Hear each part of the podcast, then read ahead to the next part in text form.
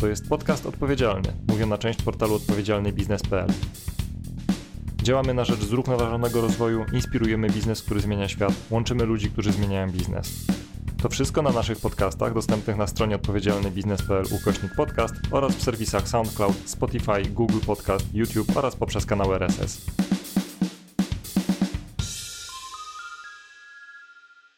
Ludzie, planeta, dobrobyt, pokój, partnerstwo. To pięć tematów, które poruszamy w ramach cyklu 20 podcastów z okazji jubileuszu 20 lat partnerstwa na rzecz zrównoważonego rozwoju w Polsce. Głos oddajemy ekspertkom i ekspertom, którzy zmieniają biznes.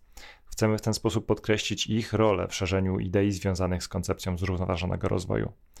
Partnerem obchodów jubileuszu jest firma LPP. O roli działań antydyskryminacyjnych w biznesie mówi Karolina Kędziora, radczyni prawna, prezeska zarządu Polskiego Towarzystwa Prawa Antydyskryminacyjnego. Zastanawiając się, czym jest dla mnie społeczna odpowiedzialność biznesu, e, z racji e, wykonywanej od lat pracy, e, mam głównie jedno skojarzenie. Jest to mm, dbałość o prawa człowieka i prawa pracownicze w obrębie biznesu, a w szczególności, i tu się bezpośrednio odnoszę do swojej specjalizacji, e, przeciwdziałanie dyskryminacji i mobbingowi w miejscu pracy. E, jestem prawniczką i wspieram pracodawców, małych, średnich przedsiębiorców, korporacje w zakresie prewencji antydyskryminacyjnej i antymobbingowej. Stąd to moje skojarzenie i jak myślę sobie e, o tym, jak wyglądał nasz rynek e, w 2000, roku, kiedy w ogóle zaczęłam się zajmować przeciwdziałaniem dyskryminacji w miejscu pracy, e, a gdzie jesteśmy teraz, widzę ogromną zmianę i duży progres. To, co z biegiem lat się działo, to przede wszystkim wprowadzania, wprowadzanie zapisów e, antydyskryminacyjnych, antymobbingowych, które nie tylko kopiowały e, przepisu kodeksu pracy, które dzięki członkostwu w e, Unii Europejskiej mamy w kodeksie pracy od 2004 roku, ale też działania, które odnoszą się do szeroko rozumianej prewencji.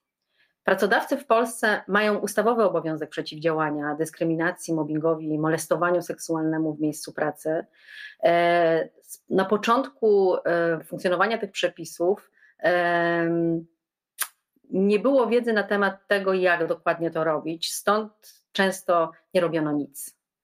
Teraz trudno już tak powiedzieć, szczególnie duży biznes, szczególnie korporacje e, w swoich standardach mają procedury antydyskryminacyjne, antymobbingowe, mają e, kodeksy etyki zawodowej, mają również plany równościowe, choć tutaj jeszcze wiele pozostawia do życzenia ta sytuacja, w której e, wciąż jest to rzadkością. E, współpracuję z biznesem, e, biorę udział w pracach wewnętrznych komisji, które mają na celu rozpatrywanie skarg, i to jest dla mnie doskonała okazja do tego, żeby przyjrzeć się, e, jak w biznesie faktycznie realizowane są te cele, które często już w tych wewnętrznych dokumentach są zapisywane, zresztą często bardzo progresywnie, znacznie szerzej niż to minimum, którego od nas wymagają przepisy prawa. I tutaj bywa z tym różnie. E, okazuje się, że często bardzo dobre regulacje wewnętrzne w praktyce nie działają, bądź e, firmy zatrzymują się na słabym przepływie komunikacji, czyli mamy świetną procedurę wewnętrzną, która w praktyce nie działa, ponieważ e, pracownicy poniżej szczebla top managementu o niej nic nie wiedzą. To są też działania edukacyjne w firmach. E, to są e, też działania, które e, pracodawcy mądrze podejmują, mając świadomość, że pracownicy, którzy będą wiedzieć dokładnie, czym jest dyskryminacja, czym jest mobbing, czym są inne patologie miejsca pracy, będą sygnalizować swoim pracodawcom te nieprawidłowości, tym samym chroniąc interesy pracodawcy. Pracodawcy, którzy obawiają się mm, wewnętrznych procedur i prewencji antydyskryminacyjnej, antymobbingowej, to tacy, którzy nie łączą tych faktów ze sobą, to tacy, którzy boją się, że jeżeli dadzą pracownikom większą wiedzę na ten temat, to będą skargi. Im więcej skarg w firmie jest, e, które pracownicy składają, korzystając z wewnętrznych procedur, e, w mojej ocenie, tym lepiej. Świadczy to o firmie. To firma, której pracownicy ufają, że mogą z tej procedury skorzystać bez żadnych negatywnych konsekwencji. To są pracownicy, którzy czują się współodpowiedzialni też za budowanie atmosfery miejsca pracy, kultury e, zatrudnienia. To ogromne wyzwanie.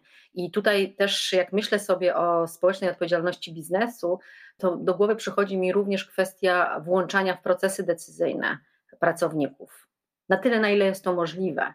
Rzecz jasna, że w tej strukturze hierarchicznej, e, która występuje w miejscu pracy, pewne decyzje są podejmowane poza e, udziałem szeregowego pracownika, ale chociażby wprowadzając wewnętrzne procedury, e, o których mówię, można to zrobić przy udziale pracowników. Już coraz częściej mam udział w takich bardzo, uważam, dobrych i wzorcowych działaniach, kiedy podczas szkoleń antydyskryminacyjnych Analizujemy również z pracownikami propozycje wewnętrznych procedur, tak żeby mogli zgłosić swoje uwagi, żeby mogli się wypowiedzieć, e, poddać w wątpliwość niektóre zapisy, tym samym czując się współodpowiedzialnymi za proces tworzenia tego e, dokumentu. Potem pracownicy bardziej ufają taką procedurę, częściej z niej korzystają. Pracodawca dowiaduje się, co rzeczywiście dzieje się E, w firmie i e, co należy zrobić, żeby tą kulturę pracy, zasady etyczne, poszanowanie praw człowieka, równego traktowania działały jak należy.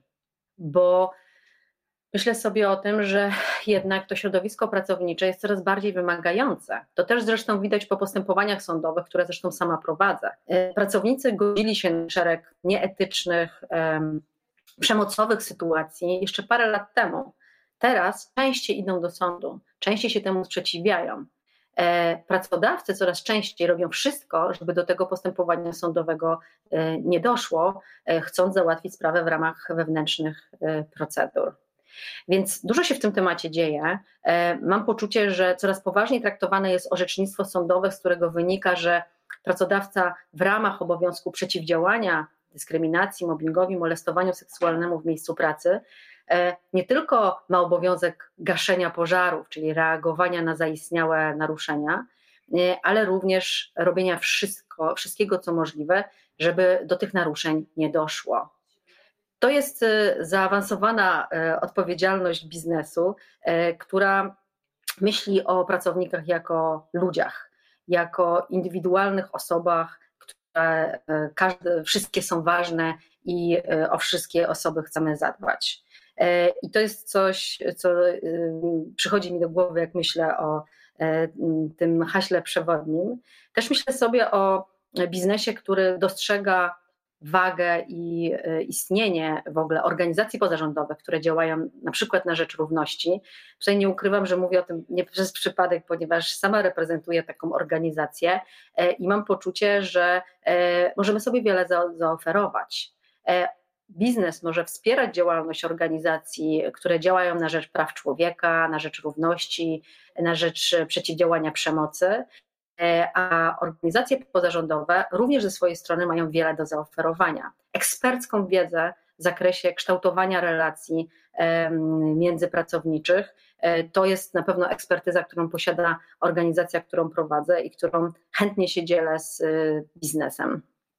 Jak myślę sobie o przyszłości, E, to i to, czego bym chciała w tym zakresie, e, to o takiej odpowiedzialnym myśleniu e, roli biznesu w kształtowaniu relacji społecznych, o tym, mm, o świadomości tego, że społeczeństwo jest coraz bardziej wymagające, o tym, że generowanie zysków to nie powinien być nasz jedyny cel, o traktowaniu równie poważnie tego, w jakich warunkach nasi pracownicy pracują, jak zarabiają, na ile przestrzegamy zasady jednakowego wynagradzania za pracę jednakowej wartości, szczególnie ze względu na płeć. Tutaj mam na myśli wciąż obecne luki płacowe, które występują w Polsce i w innych państwach Unii Europejskiej, i im wyżej w hierarchii władzy się pniemy, tym są coraz większe. Więc marzę o takiej rzeczywistości biznesu, która e, przykłada do tych tematów co najmniej tak dużą wagę jak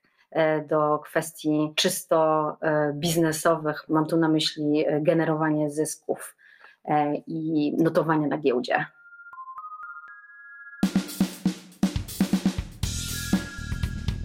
To jest podcast odpowiedzialny, mówię na część portalu odpowiedzialnybiznes.pl.